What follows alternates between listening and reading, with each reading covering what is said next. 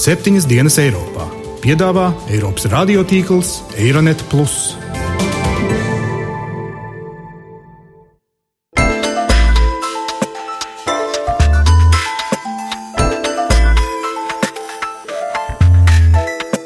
Šonadēļ septiņas dienas Eiropā dzirdēsim. Tur nav nekādu fašistu. Tur ir tādi paši ukrāņi, un tā ir viena Ukraina. Emissions, Ukraiņas austrumos var redzēt, ko ar cilvēku izdara propaganda.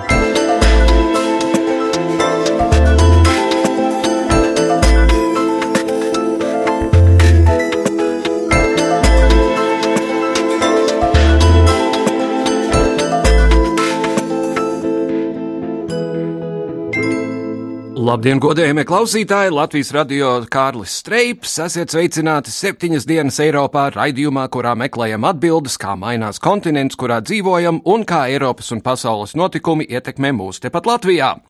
Ai, šodien raidījumā mums būs karsti, līdzīgi kā pārējā Eiropa pēc plaši apspriestā Eirovīzijas iznākuma un Čamalas maigās varas paraugstundas, arī mēs esam nolēmuši atkal pievērst skatu Ukrainai. Jautāsim karsto punktu žurnālistam Atim Klimovičam, ko viņa prāt visiem Ukrainas vērotājiem būtu tur jāierauga un par ko mēs žurnālisti nedrīkstam klusēt. Karsto punktu tēmu turpināsim arī Jāņa Kropa sižetā par globālo sasilšanu. Kādas jaunas šausmas mums galvas smiltīs iebāzušajiem strausiem piesola zinātnieki un nu jau arī Pasaules bankas ekonomisti. Tikmēr Lielbritānijā palicis vairs tikai mēnesis līdz tā sauktajam Brexit referendumam. Atbalstītāju un pretinieku cīņās iet tik karsti, ka bijušais Londonas mērs Boris Džonsons, kurš atbalsta Lielbritānijas izstāšanos no Eiropas Savienības, daudzuprāt pārkāpis ētikas normas, salīdzinot Eiropas Savienību ar Adolfa Hitlera nacistisko Vāciju. Kādā intervijā laikrakstam The Sunday Telegraph Džonsons sacīja, ka pēdējos divu gadu tūkstošos Eiropas vēsturē atkal un atkal bijuši mēģinājumi apvienot kontinentu zem vienotas vadības. Citēju: Napoleons, Hitlers, dažādi cilvēki to ir mēģinājuši, vienmēr tas beidzies traģiski. Eiropas Savienība ir kārtējais mēģinājums to paveikt tikai ar mazliet atšķirīgām metodēm. Tā Boris Džonsons. Tālāk šodienas raidījumu sāksim ar citātu, kas spilgti ieskicē Lielbritānijas šķelto sabiedrību un abu pušu nesavienojamos argumentus.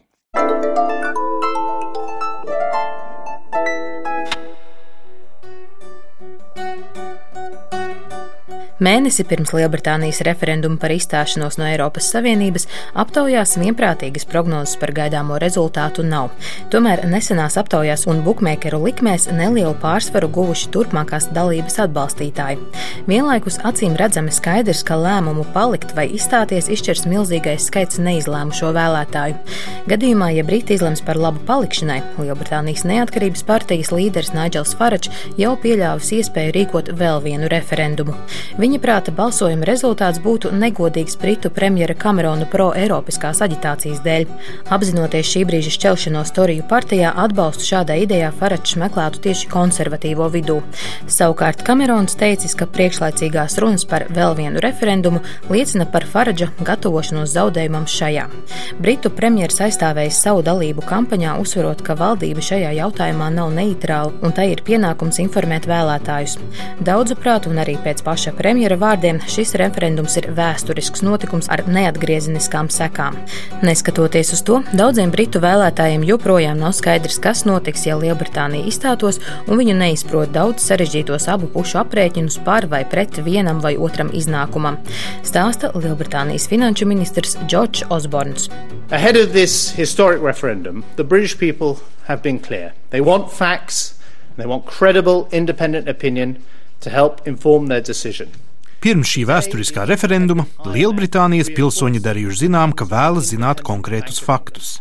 Viņi vēlas uzticamu un neatkarīgu viedokli, lai labāk izprastu savu izvēli. Šodien ar savu neatkarīgo viedokli Startautiskais valūtas fonds ir papildinājis Lielbritānijas valsts bankas secinājumus. Šie ir tie fakti, kas Britiem ir jāņem vērā. Ja mēs izstātos, Britu ģimenes būtu nabadzīgākas un Lielbritānija būtu nabadzīgāka. Ienākumi mazinātos, uzņēmumi ciestu un būtu mazāk naudas, ko tērēt. Tā tas būtu gadījumā, ja mēs izstātos. Tomēr Lielbritānijai ir iespējama labāka nākotne, paliekot Eiropas Savienībā. Šādi mūsu tautsājumniecība turpinās augt, radīsies vairāk darba iespēju, kā arī algas un dzīves kvalitātes pieaugums. Nāks Britu ģimenēm tikai par labu. Neriskēsim to visu zaudēt ar lēcienu tumsā. Let's not put all of that at risk with a leap in the dark. Pasaules bankas tikko publicētā pētījumā par klimata pārmaiņu sociālo dimensiju brīdināts, ka pasaules nabadzīgie ir it īpaši neaizsargāti pret klimata pārmaiņu ietekmi. Pašreizējās laikapstākļu galējības, vētras, plūdi un sausums notiek ar vien biežāk un postošāk un ietekmē miljoniem cilvēku visā pasaulē, it īpaši nabadzīgākos pasaules reģionos. Klimata pārmaiņas apdraud pasaules ūdens krājumu un pārtikas drošību, lauksaimniecības piegādes ķēdes un arī daudzas piekrastes pilsētas. Ja ātri nerīkosimies, klimata pārmaiņas varētu līdz 2030. gadam nabadzībā iedzīt vēl vismaz 100 miljonus cilvēku. Vairāk par tiem, kas globālo sasilšanu uzskata par neizbēgamu faktu, un tiem dažiem, kas vēl to dēvē par nenopietnu spekulāciju, mana kolēģe Jāņa Kropa sižetā.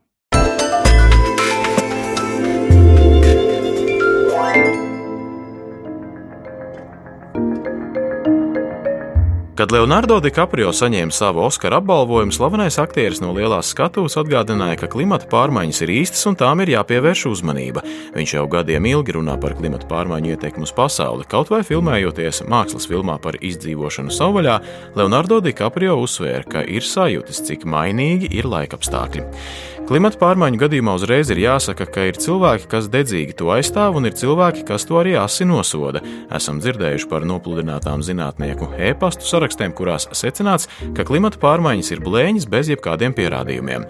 Dažādas organizācijas pasaulē cenšas izmērīt Zemes temperatūru un cenšas saprast, kā novērojumi dabā varētu mums sniegt atbildi, kas tad īsti notiek. NASA, piemēram, nesen paziņoja, ka dati par aprīli uzrāda absolūto siltumu rekordu pasaules mērogā. Gaisa temperatūra pēdējo trīs mēnešu laikā ir konstanti par vismaz vienu grādu pēc Celsijas skalas pārsniegusi to normu, ko uzskatām par atskaites punktu. Tieši temperatūras svārstības rada bažas, ka klimata pārmaiņas ir īstas. Zinātnieku darbs ir pētīt un meklēt kopsakarības, politiķu darbs ir meklēt risinājumus politiskā līmenī, bet žurnālistu un aktīvistu darbs ir ziņot un piedāvāt faktus. Vairākās pasaules valstīs izvēršas asa cīņa starp klimata pārmaiņu aizstāvjiem un noliedzējiem, jo reālas izmaiņas nozīmē arī ekonomiskos pārkārtojumus, bet kur ir nauda, tur arī intereses. Amerikas Savienotajās valstīs ir aktīvas lobētāju grupas, kuras veido politekonomijā skoloti cilvēki. Viens no tādiem ir Marks Morano. Viņš ir bijis viens no republikāņu partijas vēlēšanu komandas veidotājiem. Tagad Marks Morano vada pret klimata pārmaiņu organizāciju. Viņš ir pārliecināts, ka klimata pārmaiņas ir pilnīgas blēņas. Kādā diskusijā Morano apgalvoja, ka viņa pārliecību veido fakti. Kāpēc viņš iebilst klimata pārmaiņu aizstāvjiem, to Morano paskaidroja šādi. We followed the evidence. Uh, there are quite literally hundreds of factors that influence global temperature. Everything from Mēs vadāmies pēc pierādījumiem, kuri parāda, ka globālo sasilšanu veicina simtiem dažādu faktoru. Piemēram, okeāna cikli, ūdens temperatūra, metāns, saules sistēma un saules aktivitāte, mākoņi un vulkāna darbība un putekļi, kas no tā rodas. Ideja, ka oglekļa dioksīds ir asta, kas luncina suni, vienkārši nav izskaidrojams. Ja vēl pameklējam faktus vai aprakstus zinātniskajā literatūrā, ir plaši atrodama informācija, ka viduslaikos un romiešu laikā arī ir bijuši karstuma viļņi, kuros nu nekādi nebija vainojams CO2 izmešu daudzums. Kas tagad notiek? ANO dati liecina, ka pēdējās divās desmitgadēs ir bijuši vairāki gadi, kad gaisa temperatūra nav palielinājusies, bet ASV kongress ANO rada mītu, ka viņi var ietekmēt laika apstākļus. Tā it kā viņi spētu samazināt viesuļvētru spēku un tornado postījumus. Lielu darba daļu publiski skaidrot klimata pārmaiņu pazīmes Amerikas Savienotajās valstīs pilda Bills Nais. Viņš ir populāra zinātnisku raidījumu vadītājs, kurš uzskata, ka klimata pārmaiņu pretinieki nespēja uztvert argumentus precīzi. Pieminēt temperatūras nepaaugstinājšanos ir viegli, ja skatās uz virspusējiem datiem, piemēram, pa pilsētām, bet Zemes temperatūra pieaug, ja to novēro jau globālā līmenī. Well, we start talking about the facts. The Roman warming period, those are just in Europe. Sāksim ar faktiem. Romiešu periods tiešām neatspoguļo visu pasauli. Kritiķiem varam pajautāt, vai jūs piekrītat, ka bērnībā oglekļa dioksīda izmešu nebija tik daudz kā tagad. Līmenis aug ļoti strauji. Tā ir atšķirība starp vecajiem sliktajiem laikiem un mūsdienām. Tieši CO2 pieauguma dinamika satrauc un to ietekmē cilvēka darbība. Paskatieties ledājos kuros iesparostots gaiss no ļoti senas pagātnes. Tādā veidā mēs analizējam, kāda bija tālās pagātnes gaisa kvalitāte. Un tā liecina, ka CO2 daudzums bija mazāks. Viduslaiku sasilšanas periods ir izplatīts arguments, bet tas ir Eiropas fenomens. Tā kā uz pasauli to attiecināt nevar. Kad es biju bērns, pasaules iedzīvotāju skaits sasniedz 3 miljardus. Manas dzīves laikā iedzīvotāju skaits ir vairāk nekā dubultojies un pasaulē visi grib dzīvot kā mēs. Attīstītās pasaules valstis. Tas nozīmē dedzināt oglekli un izmest izmešus atmosfērā. Aptaujāt zinātniekus par klimata pārmaiņām un CO2 izmešiem varētu daudz un ilgi, bet, piemēram, tautā labi zināmais laika zīmju vērotājs Vilis Bukšs atzīst, savus novērojumus balsta uz senču vērojumiem un ticējumiem. Viņš pievērš uzmanību arī zīmīgajiem laika prognozēšanas datumiem, tāpat arī daudz ko varot secināt no novērojumiem dabā. Kādas izjūtas rodas, vērojot laikapstākļus, stāsta Vilis Bukšs. Mums nav varbūt tās to vērumu pieredzes, nekas, kā saka, lai gadu simtos, kā saka, šādā veidā saliektu, bet to, ka cilvēka darbība atstāja kaut kādu iespaidu, tas ir arī, eh, protams, kā saka, tas arī apsaucās. Un vispār tiem eh, nobīdes ir arī pārbīdās, kā saka, sekojot, jo galu galā viss jau ir kustībā un mainībā. Bet tomēr eh, kaut kāds cikliskums dabā ir. Un, un tas arī nosaka gan augstākus, gan siltākus posmus, un viss kaut kā periodiski atkārtās.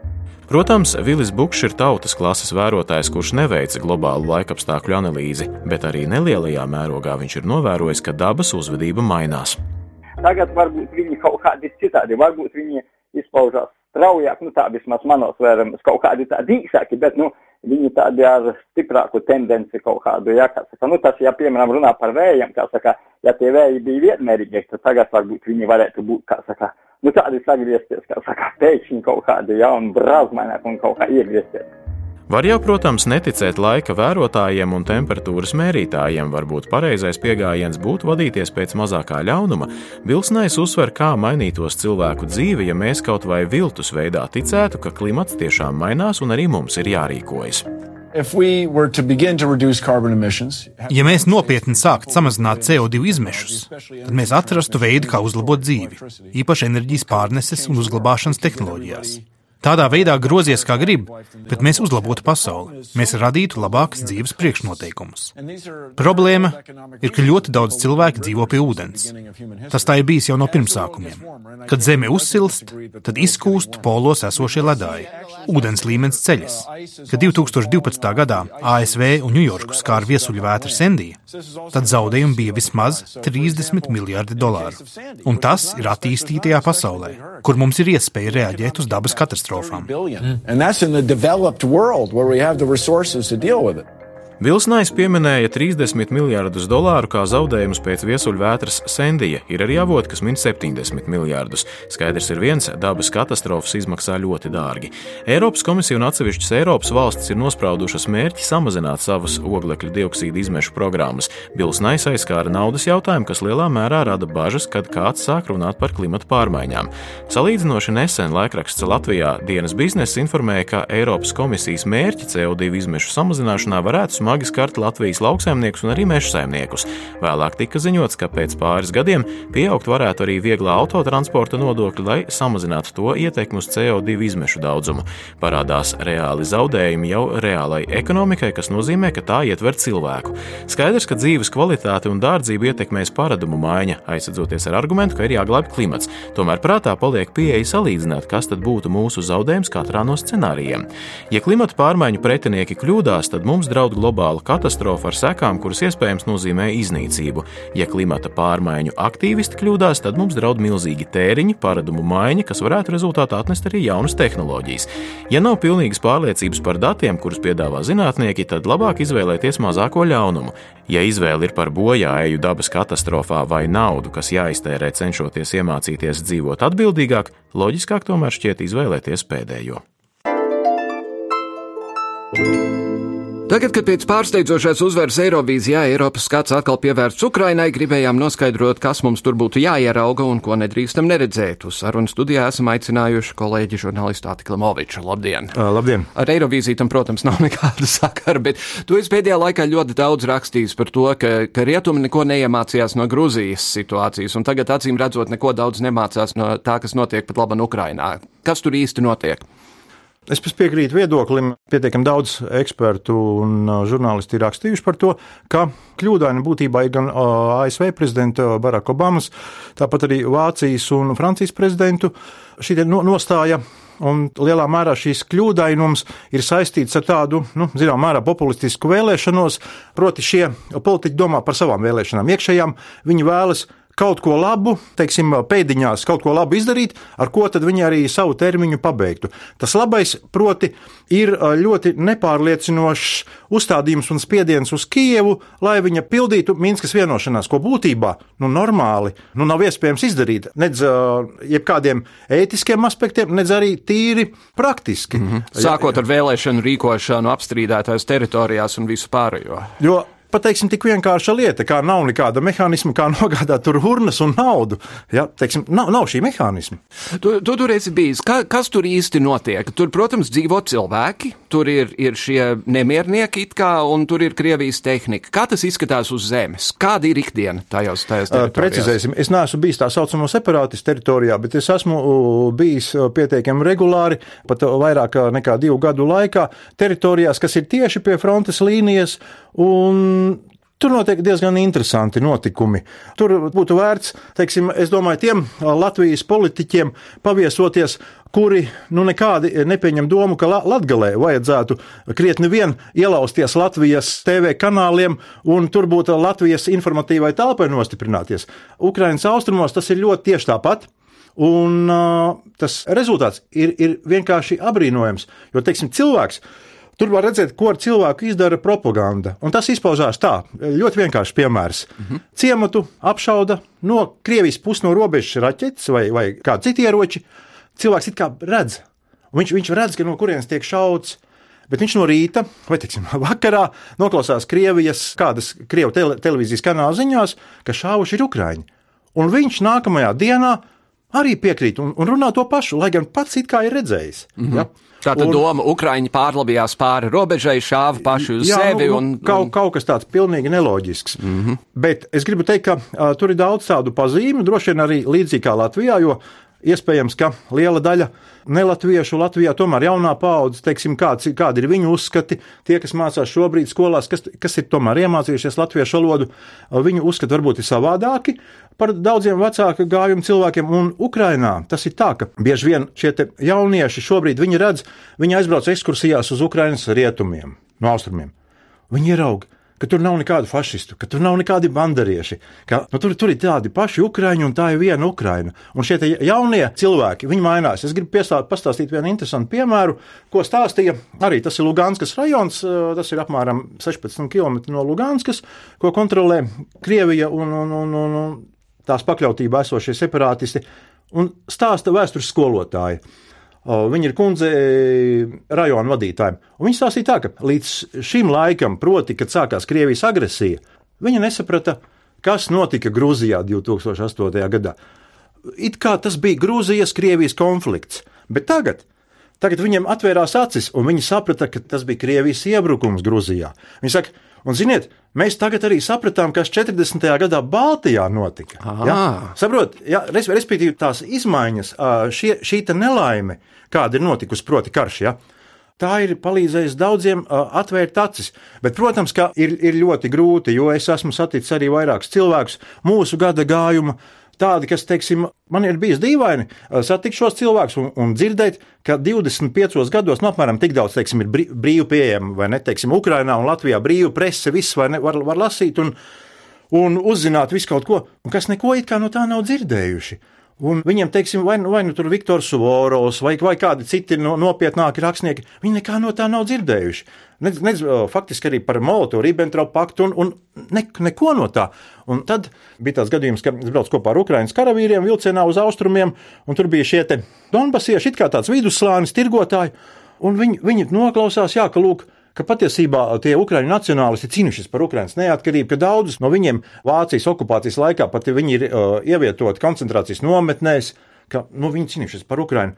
Un tad, kad šis cilvēks, kurš dzīvojas Donbasā, un pie tam nu, nav no kaut kādām padibenēm, teiksim, no, no tādiem nu, neizglītotiem cilvēkiem, un viņš pajautā, Bet kas man būtu jāizlasa? Un, un, un atbildēt uz šo jautājumu, nu kādu, es taču nevaru nosaukt tev vienu grāmatu, ja tu 25 mm -hmm. gados neko. Un, protams, ka tur ir zināma nostalģija šiem cilvēkiem, un viņi arī man pasa, pateica toreiz, Nu, bet mē, mums tik ļoti patīk dzīvot ar Kremļa kurantiem nu, un ar šo te visu. Ja? Tā, kā, tā kā lausti grūti, bet šis process notiek un šī agresija patiešām ir likusi paskatīties uz, uz pasauli un ne tikai uz Ukrajinu, bet krietni plašākā mm -hmm. kontekstā.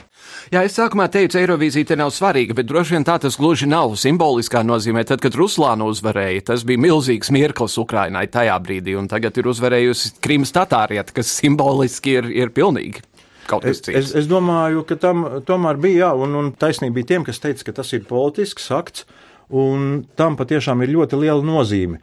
Es domāju, ka tam ir nozīme tādēļ, ka lietas, kā man ļoti liekas, ir jāsauc īstajos vārdos. Zāglis laupītājs ir jākaunina, un tam beigu beigās ir jābūt kaut kādam iespaidam paralēli tam, ka Ukrāņi turās, paralēli tam, ka, nu, diemžēl viņiem letāli ieroči joprojām netiek piegādāti, un paralēli šīm visai maigajām sankcijām, bet uh, agresors ir jākaunina. Un tas, tas beigu beigās nosvērs svaru kausus par, par, par labu patiesībai. Bet, ja, ja mēs skatāmies, tas, ko dara citas valstis, tā ir viena lieta, bet pašā Ukrainā, ja arī tur nav fašisti un tur nav banderovieši un tā tālāk, Vai lietas virzās pareizā virzienā attiecībā uz Ukrainas kā tādas izveidošanu un reformēšanu? Jo, piemēram, Panāmas papīros mēs uzzinājām, ka Porošenko uzņēmumu, kur viņš solīja pārdot, patiesībā vienkārši iebāza offshore un tas viņam pieder joprojām. Tāda līmeņa, tādas nebūšanas. Es domāju, ka Porošenko arī noteikti ir uh, tāds pārejas posma uh, prezidents. Gan šie offshore, un, un tas viss tas, tas ir pierādījums. Es domāju, ka, protams, korupcija Šie paši ienaidnieki ir lieli. Tā ir korupcija, neizdarība nu, un, un daudz kas. Un, protams, ka zināmā mērā var saprast arī tos ekspertus, arī, kuri var, varbūt min kaut kādas nu, tik ļoti diskutablas lietas, lietot tādas jēdzienas kā neizdevusies valsts vai vēl kaut ko. Es domāju, ka šīs apsūdzības par to, ka valsts nav izdevusies un valsts nevar būt.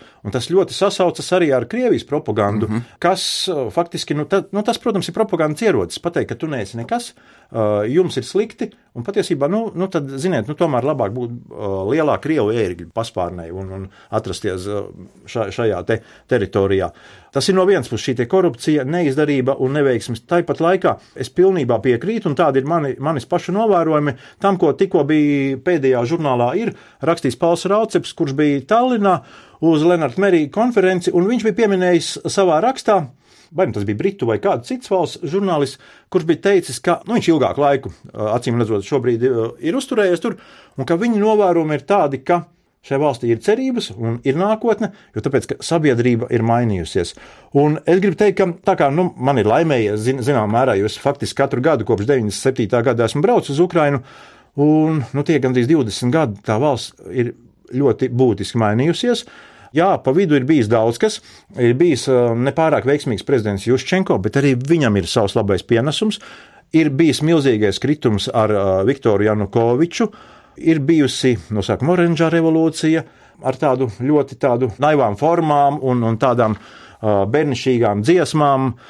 Un Pēc tam bija jau tas, ko mēs pieredzējām, ko mēs redzējām. Daudzi tas bija Maidans, tad tur vairs nebija nekāda bērnišķīguma, tās bija asinis, tas bija posts. Mm -hmm. Un paralēli tam man alaži ir bijis tā, ka es, es bieži vien braucu ar mašīnu. Uz, uz Ukrajinu viena no mašīnām man palika uz dienēt Ukraiņu armijā šobrīd. Un, uh, es, es redzu, no vienas puses, jā, esi Kijevā, runā, lasi kaut ko. Jā, tā tad valstī grūti valsts varētu sabrukt. Bet es braucu pa šo valsti un redzu, ka nekur nekas nav nenopļauts. Ka tiek vākta, vākta soja, tiek vākta kukurūza, tiek vākta saules puķis. Viss notiek, ja, un, un, un Rietumu-Ukrainā vairāk, tur pie visām mājām zied puķis, ir ap, apkoptas šīs mājas. Tā tad nu, valsts viņa, viņa nebrūk, viņa patiešām nebrūk. Un tas, ko es domāju, kas, kas ir vēl būtiskāk par to, protams, tas ir labi, ka tiek stādīts puķis un apkopts, bet ka mainās arī sabiedrība. Arī es domāju, mēs Latvijā maināmies, ja, un atgriežoties pie tā, pie apsūdzībām par neizdevušos valsti, nu, Grieķija ir izdevusies ar, ar savām mahinācijām mm -hmm. vai nav. Latvija mums, protams, ir labāk, bet vai mēs, nu, mē, mums ir jāizdodas, mēs 22% ēnu ekonomika galu galā. Jā, arī tā, pie mums. Tieši tā. Jā. Ja, ja pasaule nav gatava Ukrainai sniegt letālus ieročus, ko no vienas puses drusciņi var saprast. Vai nebūtu tomēr labāk sūtīt milzīgu armiju, ierēģņu, speciālistu, pretkorupcijas cilvēku, lai viņi vienkārši iet uz Kievu un sēž pie galda un saka, lūk, kā var darīt labāk? Nezinu, cik teiksim, šobrīd no materiāla aspekta ir gatava Eiropa arī tā, tā darīt, jo acīm redzot, ir citas problēmas. Es domāju, lielais bēgļu pieplūdums, mm -hmm. un to arī var saprast, ka Itāļi un Grieķi un, un, un viņi, viņi, teiksim, par uh, Ukrainu. Nu, tā tad ievērojami tālāk un, un, un ne, neizprot daudzas lietas. Tā. Bet es domāju, ka kaut kādā ziņā noteikti ir vajadzīga šī invāzija. Lai gan ir nācies dzirdēt vēl vakarēs no kāda Latvijas uzņēmēja, uh, jo bija tā, ka es palīdzēju viņam iegūt kontaktus ar Černigovs apgabalā. Un uh, likās, ka tur viņu, viņu tas darījums notiks, un, un, un tas bija viss. Es, es tikai to, ka es vienkārši iedošu šos kontaktus. Un, Un es, es pajautāju, nu, kas tad ir noticis. Un faktiski šis, šis Latvijas uzņēmējs teica, ka, nu, jā, ka tur tādi birokrātiskie labirinti, Es jautāju tiešāk, vai nu korupcija, viņš tā nu, atbildēja, tā, ka mm, tiešām tā tas ir, un tas, tas nav noticis. Tad es esmu dzirdējis arī no kāda Latvijas ierēģņa nepastarpināti, ka viņš teica, ka nu, nu, tas ir ļoti grūti un, un vienkārši cilvēks, proti ar mūsu izpratni par lietām, viņam ir ļoti grūti aizbraukt, aizbraukt un, un, un kaut ko izdarīt.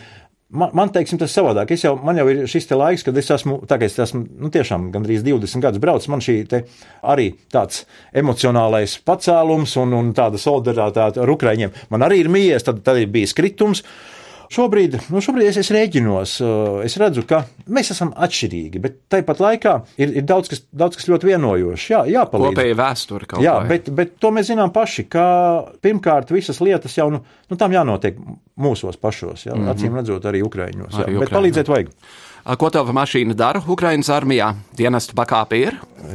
es domāju, ka jā, diena, dienas pakāpe viņai ir. Uh, viņa tika nu, teiksim tā, es ar mašīnu esam saņēmuši pat uh, pateicību, medaļu par to, ka mēs esam uh, palīdzējuši Ukraiņas armijai, proti bataljonam Aidar. Un, ja tā, tā, tā bija veca mašīna, vecs mīļš paģēro. Tā kā es sapratu, ka vairs, vairs īsti uh, nav tādas nepieciešamības atgriezties ar viņu Latvijā, un, un tā arī tika darīts tajā laikā, vēl, vēl pirms, laikam bija pirms pusotra kāda gada. Vēl man Ukraiņas karavīri palīdzēja viņu nedaudz pabuktēt, jā, bet viņi bija pilnīgi ļoti labi lietojami. Tad es sapratu, ka Eiropas Savienībā ar viņu nav ko atgriezties jā. vairāk, un, un tad viņa, viņa kādu pusgadu tā sekmīgi darbojās, un, un, un, jo tāpēc, ka transports ir vajadzīgs nu, visiem, nu, gan, gan frontes joslā, gan, gan mierīgos apstākļos. Tas ir jauki, ka mašīnā ir medaļa. Ko šajā stāstā ir nozīmējusi Nadija Sevčenko? Cik es varu spriest, tas, tas nu beidzot atvēra dažas acis rietumos uz to, kāda ir Krievijas taktika taktika šajā gadījumā. Viņi paši nolaupīja, viņi paši notiesāja. Jā, tieši šobrīd bišķi nākot pie tevis, es, es padomāju par Nadju Savčenko. Un redzi, kā ir. Pavisam nesen, kā mēs atceramies, daudz žurnālisti vai blogeri vai dažādi citi cilvēki rakstīja un, un ar domu, ka nu, nu pat, nu pat viņi atbrīvos. Es domāju, ka šāda plāna nebija. Nu, Respektīvi, ir ļoti grūti uzminēt, ko mm, Putins kurā brīdī var, var, var izdomāt. Un tas ir faktiski nepaveicams uzdevums. Es domāju, ka viņu drīzāk neizdos.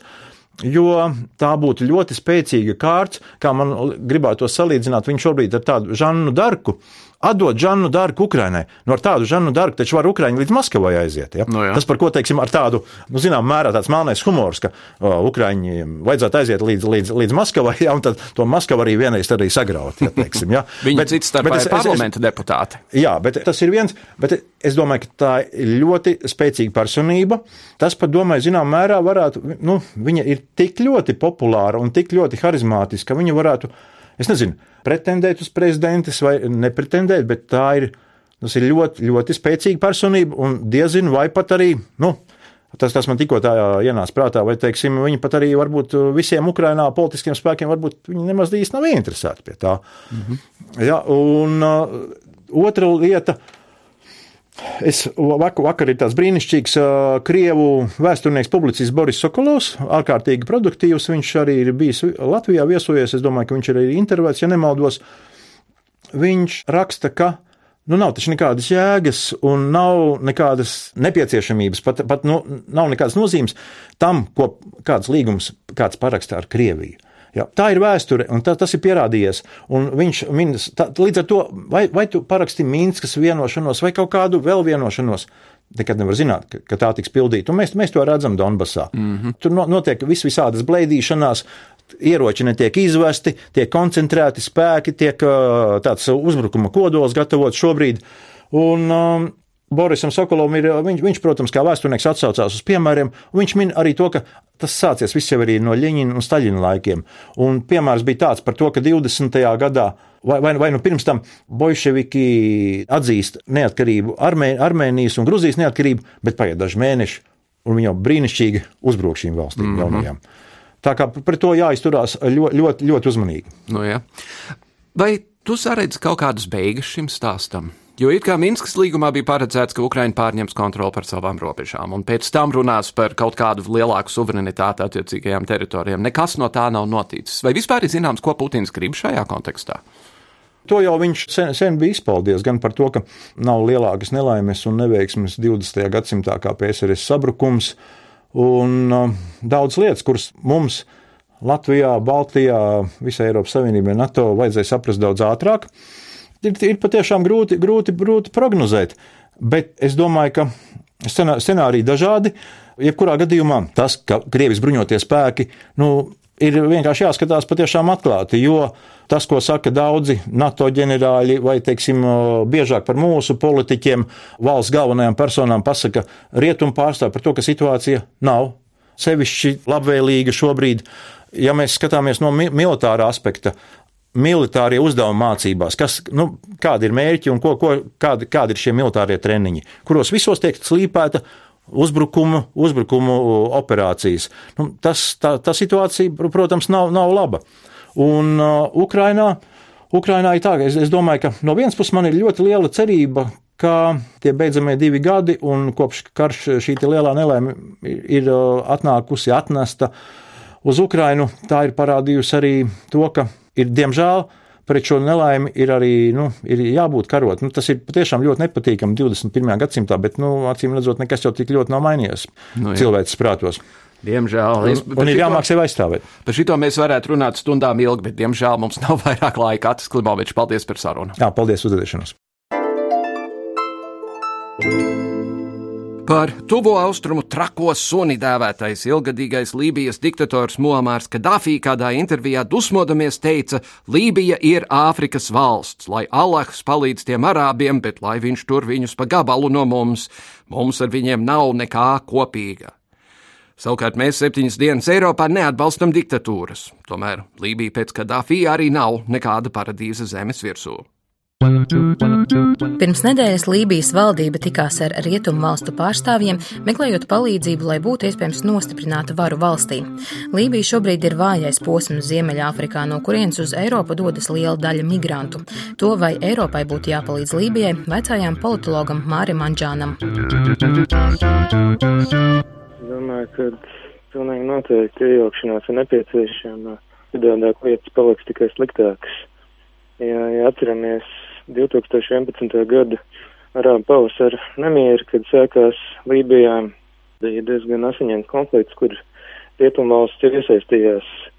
NATO vadītā misija nodrošināja lidojumu liegumu zonu, tāpat arī sabiedrotie veica jūras blokādi, atbalstīja Kadafī režīma krišanu, restīvi vēršanos pret civiliedzīvotājiem ka Baraks Obama nesen ir atzinis, tā ir bijusi viena no viņa lielākajām kļūdām prezidentūras laikā, ka netika nodrošināta plāna esamība tam, kas notiks pēc Kadafī.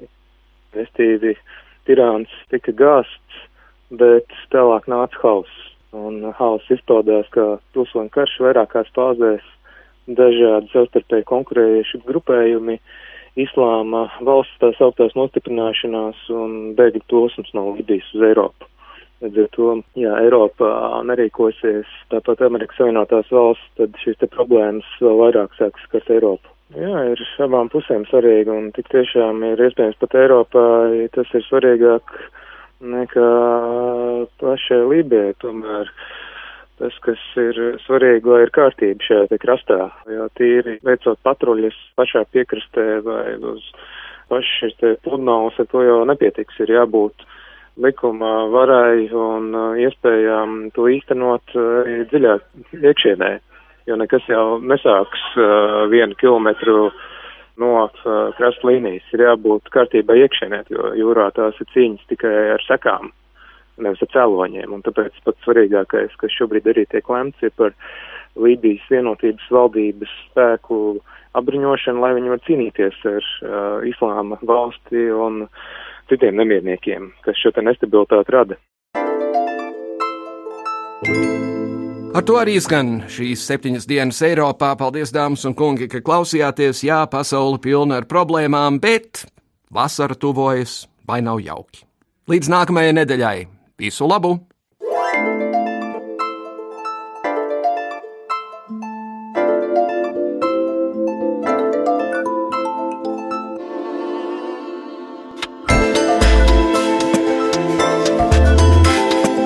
Raidījumu veido Kārlis Streips Ieva Valēne un Jānis Krops. Raidījuma producents Lukas Rozītis.